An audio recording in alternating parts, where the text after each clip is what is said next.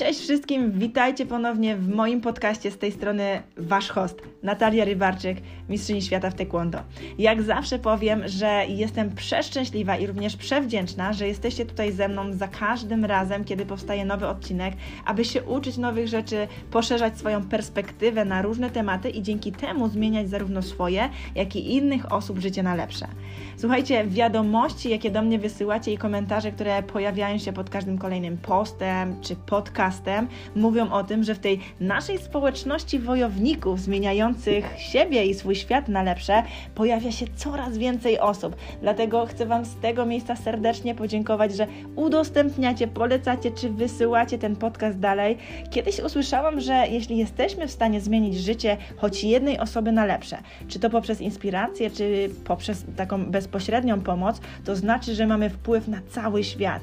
I ja bardzo lubię czytać Wasze posty, oglądać Insta Stories, widzieć Was na Twitterze, na Facebooku, na Instagramie, wszędzie tam, kiedy dzielicie się swoimi lekcjami wyniesionymi z tych naszych krótkich spotkań.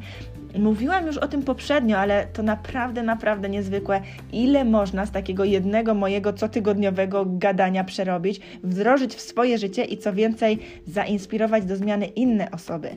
Bo to, czym dzielicie się, idzie w świat dalej i motywuje kolejne i kolejne osoby, tym razem w Waszej społeczności, więc nie zapominajcie mnie oznaczać, bo chętnie wpadam na te Wasze profile i obserwuję, co u Was, a bez tych znaczników muszę stwierdzić, że bardzo trudno mi jest do Was trafić. No i jest jeszcze coś coś. Jeżeli jeszcze tego nie zrobiliście, zasubskrybujcie proszę ten podcast i moje profile społecznościowe, czy to na Instagramie, Facebooku, czy na TikToku ostatnio e, i na Twitterze, bo pojawiłam się tam też ostatnio e, i zróbcie to po prostu, żeby Wam nic nowego nie uciekło, żebyście byli na bieżąco z codziennymi inspiracjami, motywacją i kopem do działania, bo ostatnio rozkręcam się i jest tego coraz więcej, a szkoda, żeby Wam umknęło cokolwiek. A dzisiejszy epizod, słuchajcie, będzie naprawdę niesamowity, będzie super taktyczny i będzie mega praktyczny i możliwy do zastosowania dla każdego z nas. I uwaga, Nowy podcast, ten odcinek będzie o ośmiu powodach, dlaczego tracimy pieniądze i ośmiu sposobach na lepsze zarządzanie nimi. I wiem, co teraz sobie myślicie. Nie, nie, nie, nie wyłączajcie mnie teraz. Wiem, że wszyscy tracimy pieniądze. I ty, i ja też. Słuchajcie, w swoim życiu ja mogę się Wam przyznać, że popełniłam tak wiele błędów finansowych i źle zainwestowałam pieniądze, że głowa mała, więc dlatego pomyślałam, że może być to dość ważny temat, tym bardziej, że w naszych pytaniach na Instagramie pojawiały się ostatnio tego właśnie typu pytania. Gdzie jest moja kasa? Jak zarządzać lepiej kasą? Jak zrobić budżet? Nadal nie, zarabiam więcej pieniędzy i nadal ich nie mam. I słuchajcie, to jest temat, który jest naprawdę warty świeczki, dlatego że jak na wstępie powiedziałam, oczywiście pieniądze nam szczęścia nie kupią, ale bez pieniędzy jest nam trudno to szczęście osiągnąć, dlatego że skupiając się na jakichś podstawowych rzeczach i walce o to, żeby przetrwać od pierwszego do pierwszego, nie możemy faktycznie czerpać radości z życia. Dlatego ja uważam, że oczywiście pieniądze nie są najważniejsze, ale są potrzebne po to, żebyśmy mogli zacząć czerpać z tego życia pełnymi garściami. I o tym będzie dzisiaj. No bo zastanówmy się tak z ręką na sercu. Czy w waszym domu nie ma przypadkiem czegoś, co kosztowało sporą sumę pieniędzy, a z czego w ogóle nikt nie korzysta?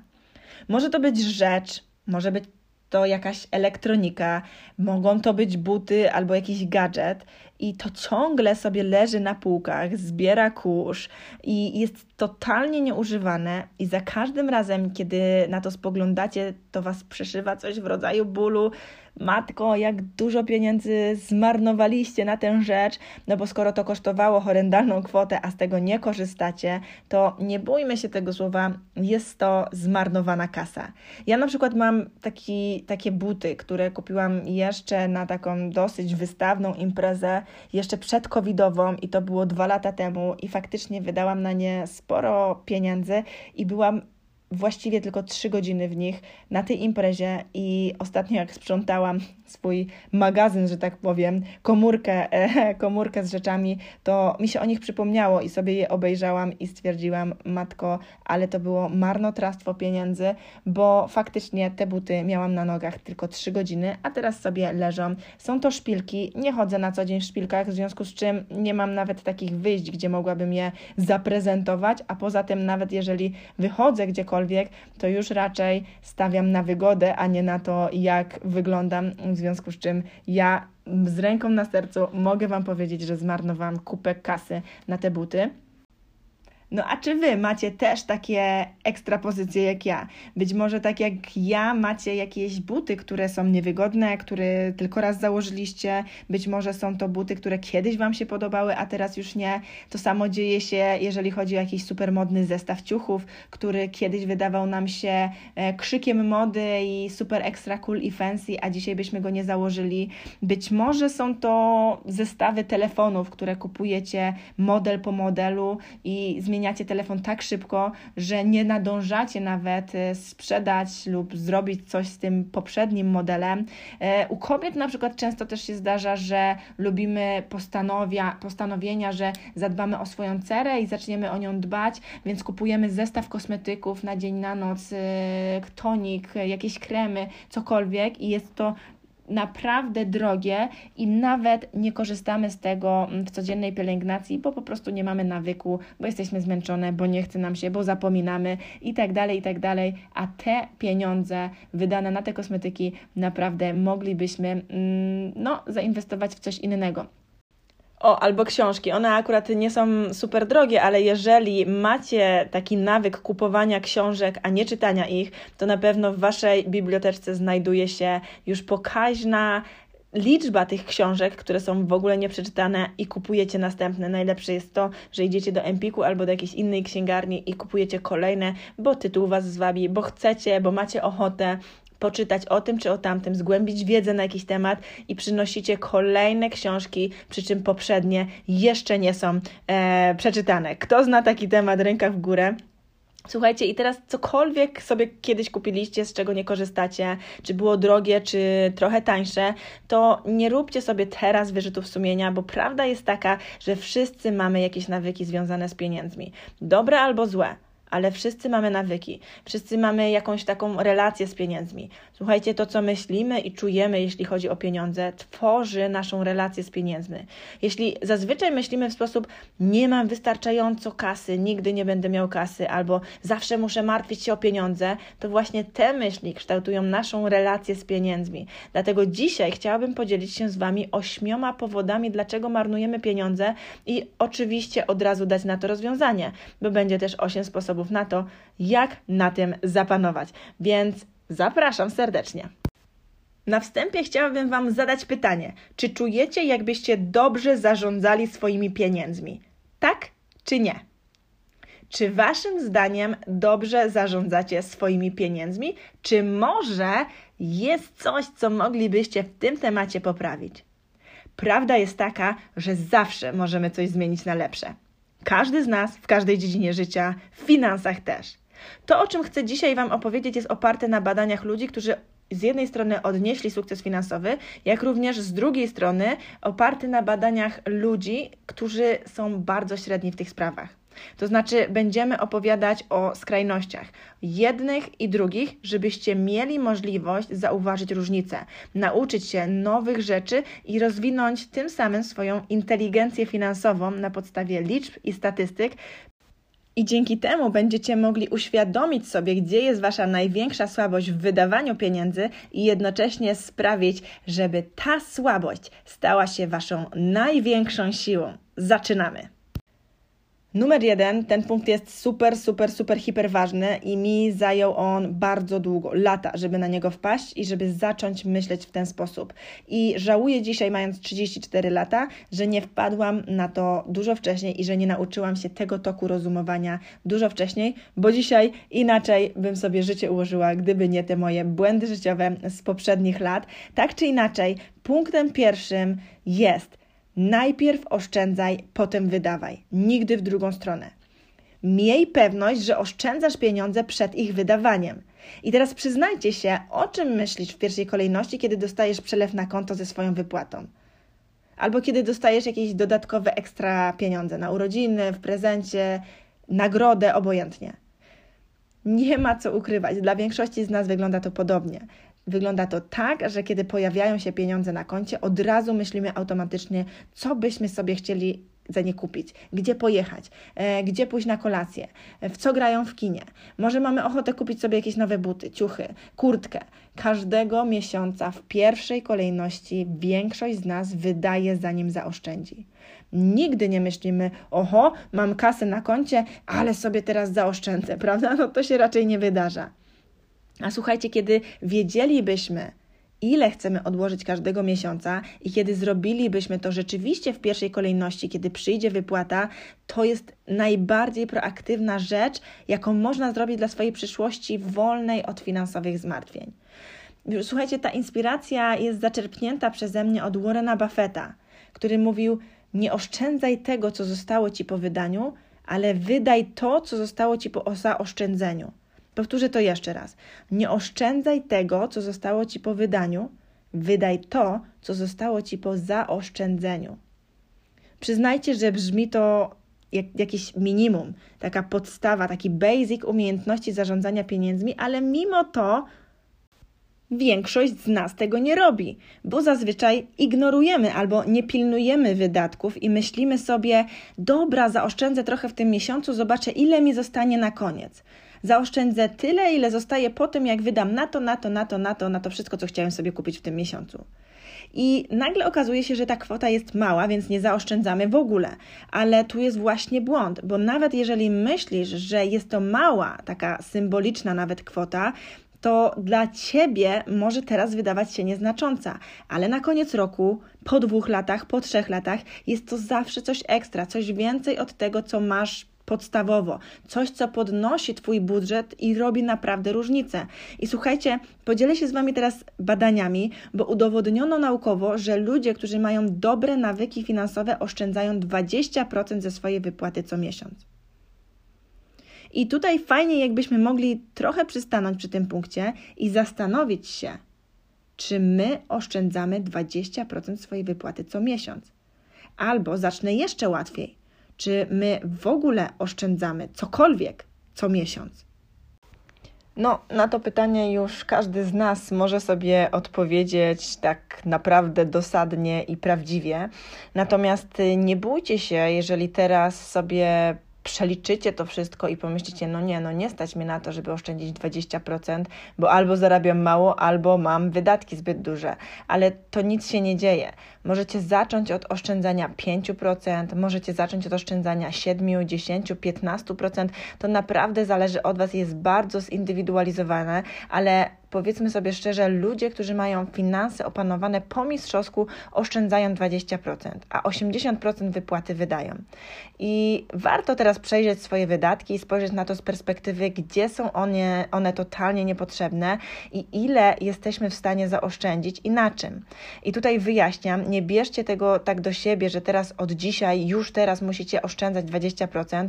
Jest to raczej pewnego rodzaju inspiracja, do której należy dążyć. Jeżeli chcecie mieć taką wolność finansową zapewnioną, powinniście po prostu dążyć do tego, żeby w efekcie, nie mówię, że teraz, ale za miesiąc, dwa, trzy, dziesięć, za rok, zaoszczędzić, zacząć oszczędzać 20% ze swoich przychodów.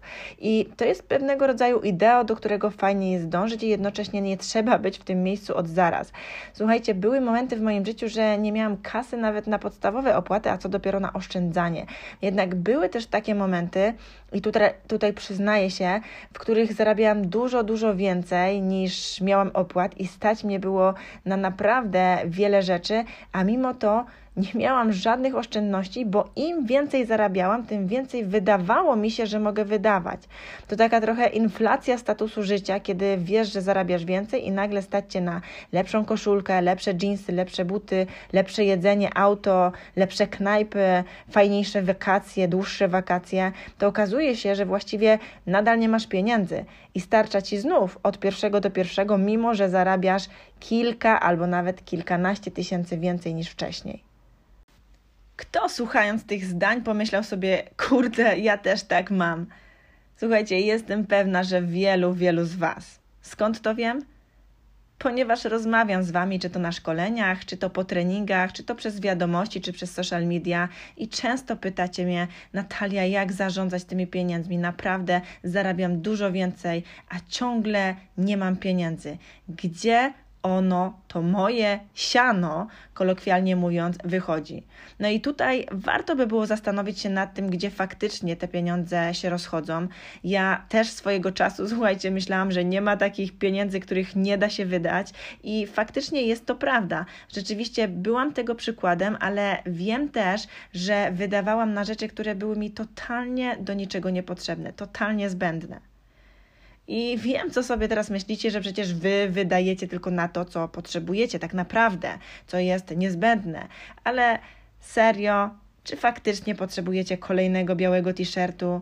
Czy faktycznie potrzebujecie kolejnych zimowych butów? Czy tak naprawdę musicie mieć nową kurtkę tylko dlatego, że w tym sezonie jest czerwień modna, a wy macie granatową? Ja tutaj bardzo Was zachęcam do tego, żeby jeżeli już kupujecie rzeczy, żeby kupować je dobrej jakości, ale w tonie klasycznym, bo to, co modne, zmienia się co sezon, a nawet częściej, a klasyka jest ponadczasowa, więc niezależnie od tego, w którym miejscu teraz jesteście i jak zaczynacie swoją przygodę z oszczędzaniem, po prostu bez ciśnienia przyjrzyjcie się swoim wydatkom i przelewajcie na to subkonto jeżeli go nie macie, to po prostu go załóżcie. Tyle, ile możecie zaoszczędzić przy założeniu, że najpierw odkładacie, a potem wydajecie. No i mając oczywiście te 20% jako cel z tyłu głowy, aby do niego dążyć. Generalnie nie ma znaczenia, ile zaczniecie odkładać. Znaczenie ma jedno: to, że zaczynacie to robić. To jest rozpoczęcie pewnego rodzaju procesu. Bo nawet jeśli teraz myślicie bez sensu na to, przecież ja mogę oszczędzić tylko 50, 100, 200 zł w miesiącu. Przecież to prawie nic. No tak, ale słuchaj, to prawie nic w połączeniu z innymi formami oszczędności zrobi naprawdę dużą robotę i uwierz mi, naprawdę odczujesz tego różnicę po kilku miesiącach. By the way, wiecie na co najczęściej i najwięcej marnujemy czy wydajemy bezmyślnie pieniędzy przed tym, nim zaoszczędzimy? Kawa na mieście. No właśnie, jak wielu z Was pije kawę na mieście? Bierze ją na wynos, do podróży, kupuje na stacjach benzynowych albo w sieciówkach typu Costa czy Starbucks. Jak wielu z Was wydaje niemal codziennie niezłą sumkę na kawę w tych miejscach? Posłuchajcie tych badań. Milenialsi, czyli pokolenie ludzi urodzonych w latach 80., ja się do nich zaliczam, wydaje więcej pieniędzy miesięcznie na kawę niż na program emerytalny. 41% z 2000 przebadanych ludzi z pokolenia milenium przyznało, że wydaje na kawę i ewentualne ciastka czy kanapki dobierane w pakietach do tej kawy około 300 do 500 zł miesięcznie. Przecież to jest obłęd, to jest od 3 do 6 tysięcy złotych rocznie, wydając codziennie, uwaga, od 10 do 17 zł na kawę. Przy czym również mniej niż 5% badanych milenialców oszczędza w ogóle. Pomyślcie o tym, jeśli wydajecie od 10 do 17 zł na kawę dziennie, jesteście w stanie roztrwonić równowartość dobrych wakacji przez rok. Żebyśmy się źle nie zrozumieli, wcale nie namawiam Was, abyście porzucili picie kawy teraz. Co Wam próbuję tutaj zobrazować, to jedynie fakt, że jeżeli będziecie oszczędzać tylko 10 lub 17 zł dziennie, będzie to miało duży wpływ na Wasz budżet. Nie sądzicie, że świetnie byłoby znaleźć na koncie więcej 3 albo 6 tysięcy złotych na koniec roku? Jeśli zaczniecie odkładać taką sumę, niezauważalną kwotę codziennie, właśnie tak się stanie. I nie myślcie o tym w kategorii oszczędzam dużo albo oszczędzam mało. Zbyt wiele ludzi poddaje większość swoich marzeń i celów, bo wydaje im się, że za mało mogą zrobić w jeden dzień i mówią do siebie: OK, będę oszczędzał, kiedy będę miał więcej pieniędzy. Jeśli zarobię więcej, będę miał pieniądze na oszczędności. A to wcale tak nie działa. Jeśli zaoszczędzisz choćby najmniejszą kwotę, jaką możesz zaoszczędzić, będziesz oszczędzał więcej, kiedy będziesz miał więcej. Jeśli zatroszczysz się o to, co już masz w odpowiedni sposób, dostaniesz tego więcej. Kiedy jesteśmy wdzięczni i potrafimy się cieszyć z tego, co mamy, dostajemy więcej tego, za co możemy być wdzięczni i z czego możemy się cieszyć. Czyli podsumowując, zasada numer jeden: nie oszczędzaj tego, co zostało ci po wydaniu, wydaj to, co zostało ci po oszczędzeniu. Zasada numer dwa. I to może być wyzwanie, i uwaga, ja też jeszcze do niedawna borykałam się z nim tak samo, ale ludzie, którzy mają dobre nawyki finansowe, wydają nie więcej niż 20% swojego zarobku na mieszkanie. Czy to jest wynajem, czy to jest rata kredytu, obojętnie. Nie więcej niż 20%. Jeśli mieszkasz w dużym mieście, wiem, jak jest ciężko. Ja kiedyś przeprowadzałam się do centrum, w którym mieszkałam jeszcze w zeszłym roku, wydawałam słuchajcie, więcej niż 50% moich zarobków na modne, duże mieszkanie w samiuteńkim centrum. Wszędzie mogłam chodzić sobie pieszo, z dzieciakami w, e, w wózku. Miałam kino na wyciągnięcie ręki, teatr, Starbucksa i tak dalej, i tak dalej. Przez lata nie zdawałam sobie z tego sprawy, ile to kosztuje. Ale kiedy nadszedł, słuchajcie, koronawirus i straciłam większość moich dochodów, bo sale i fitness kluby były pozamykane, zaczęło mnie to bardzo boleć, bo okazało się, że właściwie haruję po to, aby utrzymać mieszkanie. Dość trudne były to czasy, ale dzięki temu podjęłam inne, lepsze wydaje mi się decyzje finansowe, jak na przykład przeprowadzkę na obrzeża Poznania, gdzie za mieszkanie płacę niecałą połowę tego, co wcześniej. To daje spokój, a spokój naprawdę nie ma ceny. I oczywiście super byłoby mieszkać w miejscu, które jest inspirujące, fancy, modne, piękne i daje nam uczucie satysfakcji. Cudnie byłoby mieszkać w swoim wymarzonym domu od razu po wyprowadzce od rodziców, ale jeżeli jeszcze w nim nie mieszkamy, to nie znaczy, że nie możemy czerpać satysfakcji i inspiracji i też zadowolenia z miejsca, które jest mniejsze, skromniejsze niż to z naszych marzeń, bo możemy za sprawą urządzenia w nim czy dodatków stworzyć naprawdę swoje miejsce na ziemi, które nas inspiruje i satysfakcjonuje i w którym czujemy się dobrze. Słuchajcie, tak wielu z nas wydaje niebotyczne kwoty na wydajem mieszkania i oczywiście nie będziemy tutaj dyskutować z cenami na rynku nieruchomości. Są realia, jakie są i ceny też są takie, jakie są, ale jest jedno pytanie, takie zasadnicze pytanie, które powinieneś sobie zadać. Czy to miejsce, w którym teraz mieszkasz, ma duży, pozytywny wpływ na Twoje samopoczucie, zdrowie psychiczne i emocjonalne? Jeśli tak, świetnie jeśli natomiast to miejsce, mimo że jest piękne i lubisz w nim przebywać, powoduje w tobie wiele comiesięcznych napięć i stresów związanych z jego utrzymaniem, to lepiej pomyśleć o tym, jak możesz zachować balans w tych sprawach. Punkt numer 3. Ludzie, którzy mają dobre nawyki finansowe, wydają nie więcej niż 15% na jedzenie. Bardzo wierzę, że nasze zdrowie i dobre samopoczucie jest najważniejszą inwestycją w naszym życiu. Twoje zdrowie jest wynikiem tego, co jesz, co wrzucasz w ogóle do swojego ciała, jak się nim posługujesz. Czy jesteś aktywny, czy ćwiczysz, czy nie ćwiczysz, to wszystko jest inwestycją w Twoje zdrowie. Jest takie powiedzenie w języku angielskim: Wellness can be expensive, but it's more cheaper than illness. Czyli w wolnym tłumaczeniu, że inwestowanie w zdrowie może wydawać się drogie, ale w rzeczywistości jest dużo tańsze niż choroba.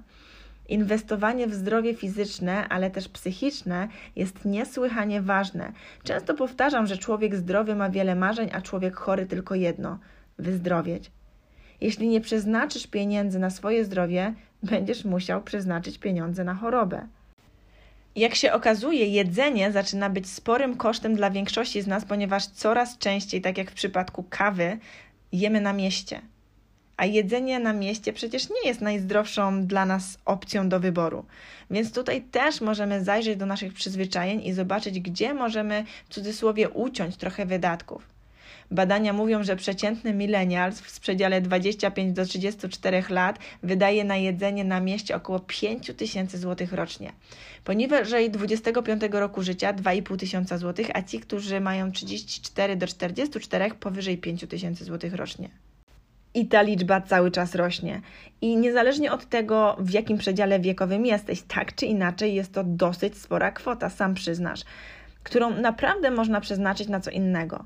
Bo na przykład jeśli zainwestujesz pieniądze w organiczną, sprawdzoną biożywność, będzie to miało naprawdę duży wpływ na Twoje zdrowie mentalne i fizyczne i co za tym idzie, będzie to najlepsza inwestycja, jaką możesz w życiu uczynić dość ważna osoba, bo moja mama, która pracowała i nadal pracuje w służbie zdrowia, zawsze powtarzała mi: Natalia, nigdy nie zgadzaj się na kompromisy, jeśli chodzi o Twoje zdrowie.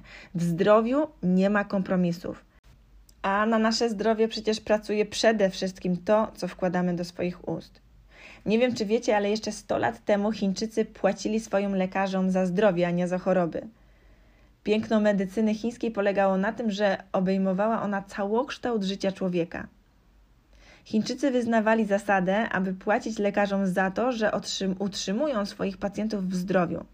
Kiedy ktoś zachorowywał, wychodzono z założenia, że lekarz nie wywiązał się ze swoich obowiązków, a więc przestawał on dostawać wypłaty, dopóki dana osoba nie wyzdrowiała. Bazując na tej zasadzie, Chińczycy stworzyli jeden z ciekawszych systemów ubezpieczeń zdrowotnych. Lekarze byli wtedy zobowiązani leczyć za darmo, dopóki pacjent nie wyzdrowiał, i dzięki temu zależało im na jak najszybszym i jak najskuteczniejszym uleczeniu. W ich interesie było również dbanie o jak najlepszą kondycję ludzi, których mieli pod swoją opieką. Dlatego Chińczycy bardzo dużą wagę przywiązują do dobrej jakości pełnowartościowych posiłków, ryżu, kaszy, warzyw, ziół, naparów i herbat. Jeśli chodzi o mnie, to nawet jeśli miałam jakieś większe wyzwania życiowe, prywatne czy zawodowe, czy finansowe i wiele szło nie po mojej myśli, moje zdrowie były zawsze dla mnie rzeczą, dla których nie robiłam żadnych odstęp. Może jadłam mniej objętościowo, kalorycznie, ale zawsze wartościowo. Dlaczego?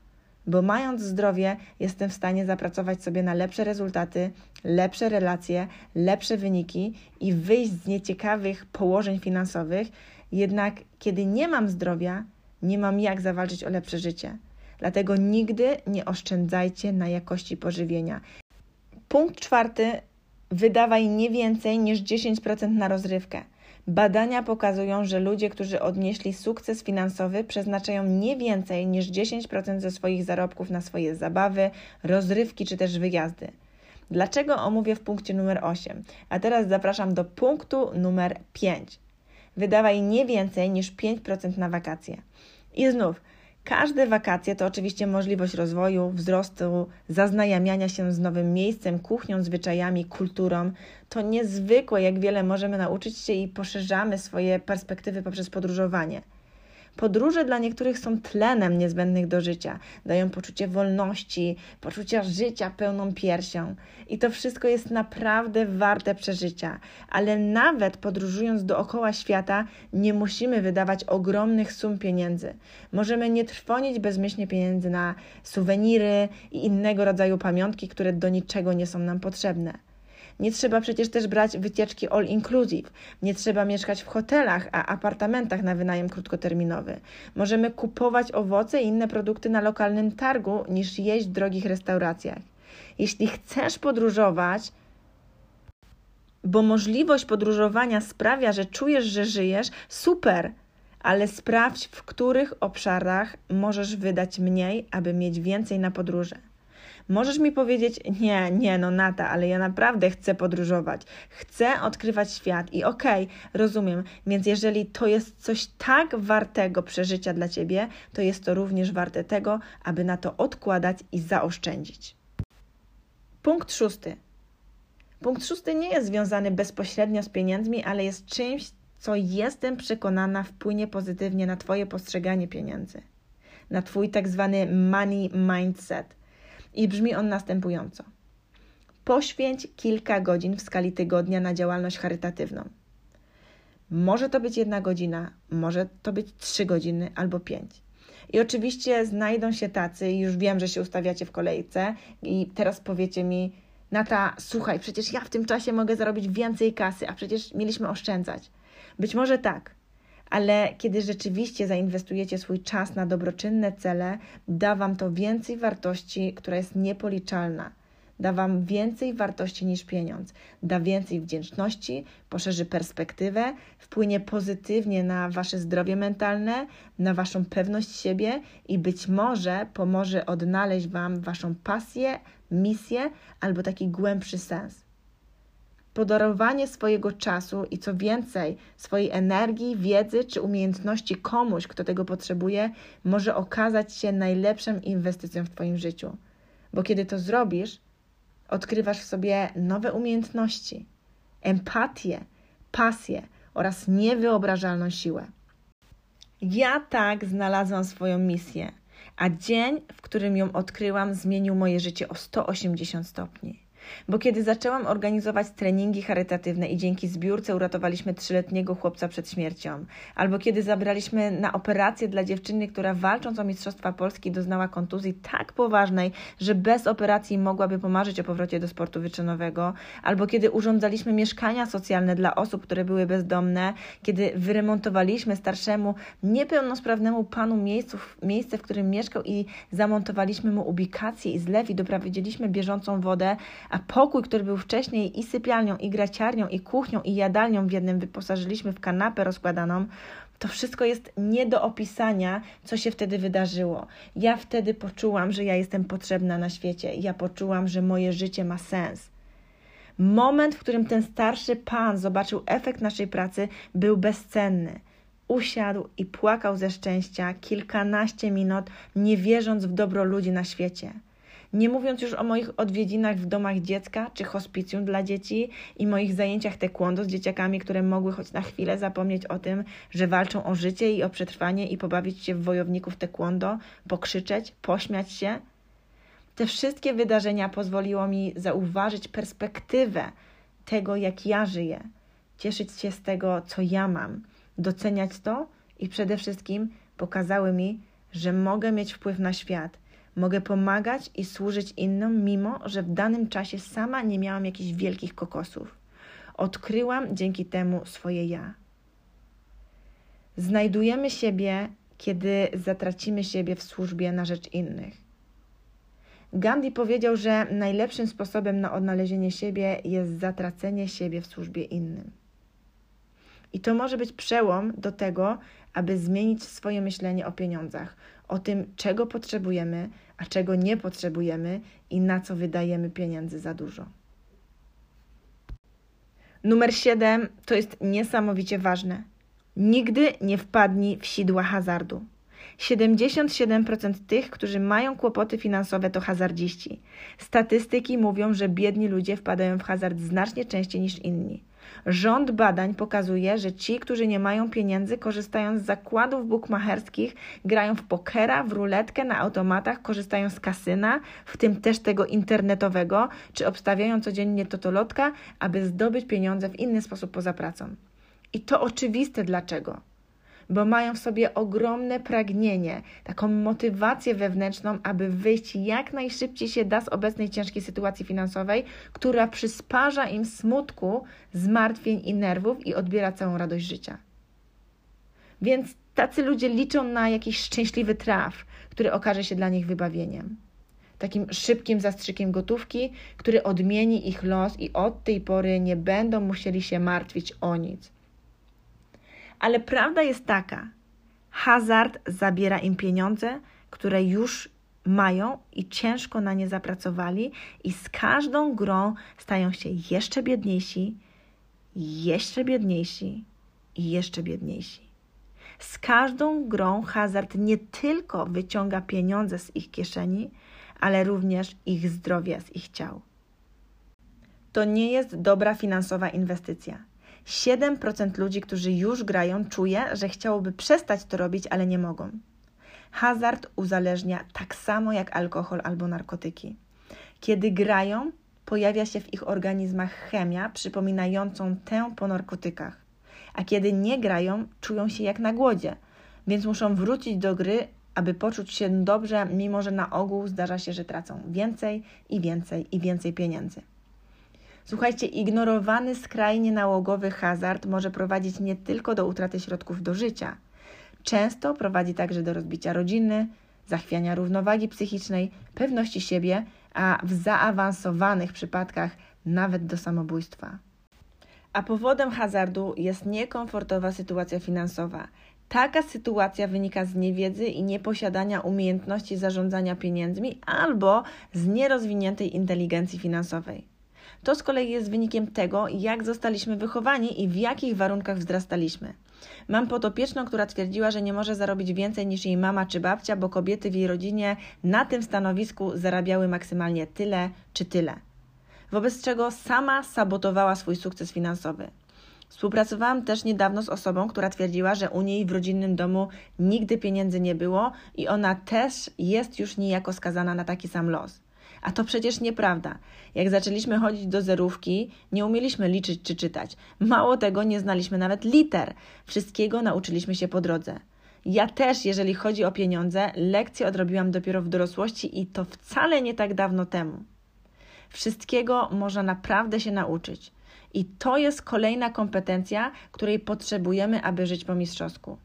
A jeśli chcemy się czegoś nauczyć, najszybciej nauczymy się tego, kiedy mamy odpowiednich nauczycieli. Dlatego w punkcie ósmym chodzi o to, aby znaleźć osobę, którą chcesz naśladować, jeśli chodzi o zarządzanie swoimi pieniędzmi i spędzać z nią czas.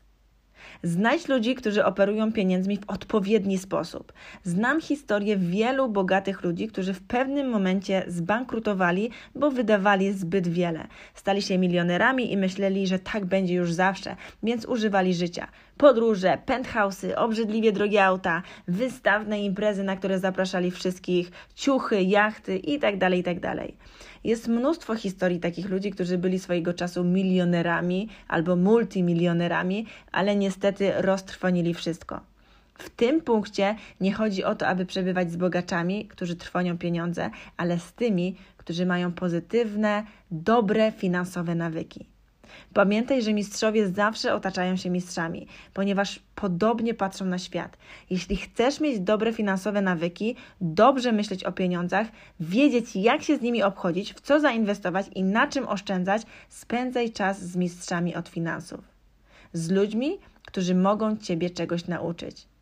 Jeśli nie masz nikogo takiego w swoim otoczeniu, którego chcesz naśladować, jeżeli chodzi o finanse, to polecam nauki Billa Gatesa, Warrena Buffetta albo też Roberta Kiyosakiego. Oni w bardzo przystępny sposób tłumaczą i zdradzają sposoby na to, jak zostać z zera milionerem, e, ale tak naprawdę w tym punkcie też nie chodzi mi tylko o takie grube ryby biznesowe, bo inspiracja do zarządzania poprawnie pieniędzmi jest wokół nas. Ja pamiętam, że ostatnio, kiedy przeżywałam jakiś taki krach finansowy, to pojechałam nie do swoich przyjaciół milionerów, ale do swojego brata, który jest rok starszy ode mnie, a który ma teraz postawił przepiękny dom, przepiękny ogród, ma basen w ogrodzie.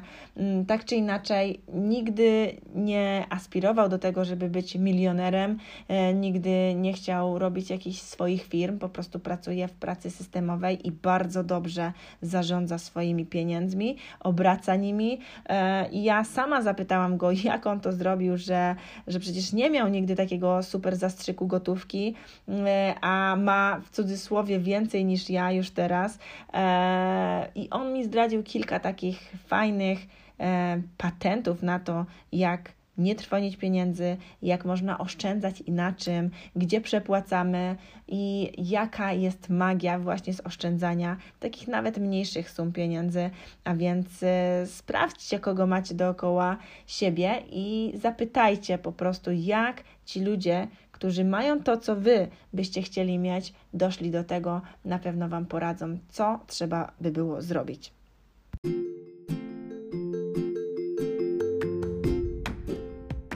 Ok, słuchajcie, to wszystko w tym epizodzie. Mam nadzieję, że te 8 powodów, dlaczego trwonimy swoje pieniądze, dały Wam do myślenia.